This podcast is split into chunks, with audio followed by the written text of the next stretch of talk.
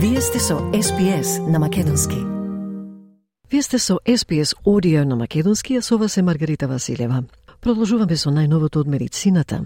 Ракот на јајниците има најниска стапка на преживување од било кој женски рак. Годишно убива околу 1000 жени во Австралија. Но сега има нов тест на крвта кој нуди надеж за откривање и подобрување на резултатите за жените на кои им е диагностицирана болеста. Повеќе од прилогот на Еймен Багдади и Керен Томас за SBS News. Амелија Хигс знае дека симптомите на ракот на јајниците лесно се игнорираат. Таа вели дека на почетокот не била свесна дека ја има болеста. 12 месеци пред диагнозата, Амилија вели почна да чувствува некои симптоми кои биле невообичаени за неа. А што беше случајот со незината состојба е тоа што симптомите имитира други состојби и бенигни ситуации, вклучително и работи како ПМС. Кога симптомите станаа прилично лоши, таа реши да оди на лекар. 12 months ago, I started feeling some symptoms, I suppose, that felt a little bit unusual for me. The difficult thing about my condition is that the symptoms really mimicked other conditions or, or benign situations, including things like PMS. So it wasn't really until my symptoms got quite bad that I decided to go and see the GP about it. Резултатите од тестот открија цисти на незините јајници и за неколку недели таа беше на операција за да ги отстранат. Операцијата откри дека цистите се бенигни, но може да прераснат во рак. Амилија вели дека процесот бил тежок. I lost my ability to have biological children. Um, and that was something which I had been hoping to do up until that point in time. So there has been a grieving process that has come along with that for both me and my partner. I still have the ability to carry a pregnancy because I still have a uterus, so I can explore the option of uh, using a donor egg, um, or alternatively, we could look at surrogacy or adoption. Um, it's really been, I guess, a difficult 12 months.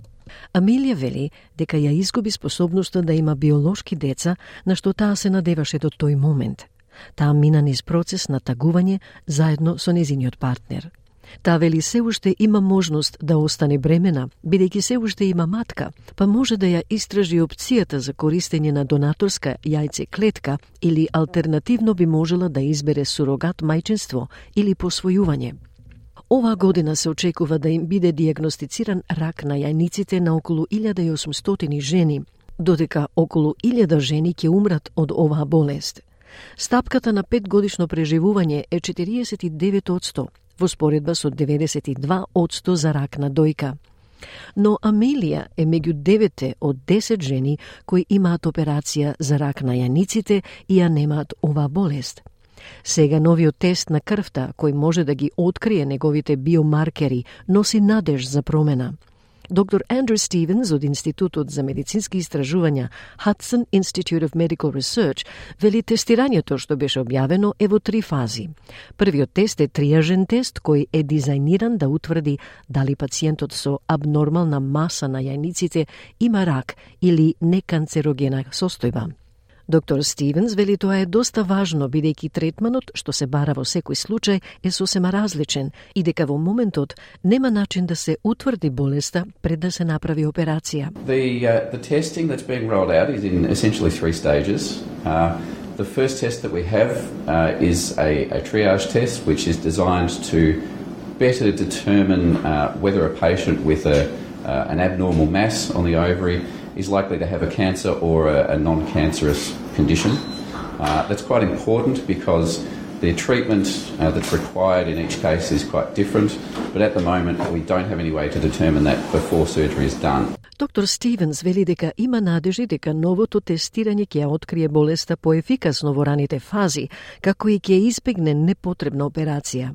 Идејата, вели тој, е рутински скрининг, многу сличен на пап тестовите или мамограмите, за да се открие ракот на јаниците во рана фаза, во момент каде што се знае дека третманот е многу поефективен. The idea there is that routine screening, very similar to what we do with pap smears or mammograms, uh, can be used to pick up early stage ovarian cancers uh, at a point where we know that treatment is uh, far more effective. In fact, we, we see around a 90% survival rate uh, at that point. Амелија вели таа е благодарна што се прави истражување за да помогне во борбата против болеста. Возбудена е за другите кои ќе можат да имаат корист од тестот кога ќе стане достапен. Меѓутоа, се чувствува малку тажно што не е нешто што беше достапно и за неа. I'm really excited for the other people who are going to be able to benefit from the test when it becomes available. There is a part of me that does feel, I suppose, a little bit sad that it's not something that was available for me at the time that I went through my experience. Новиот тест на крвта се очекува да биде достапен за две години, додека би можел да се користи во програмите за скрининг за 4 до 5 години.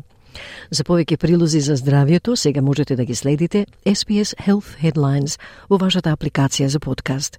Од прилогот на Ејмен Багдади и Керен Томас за SPS News.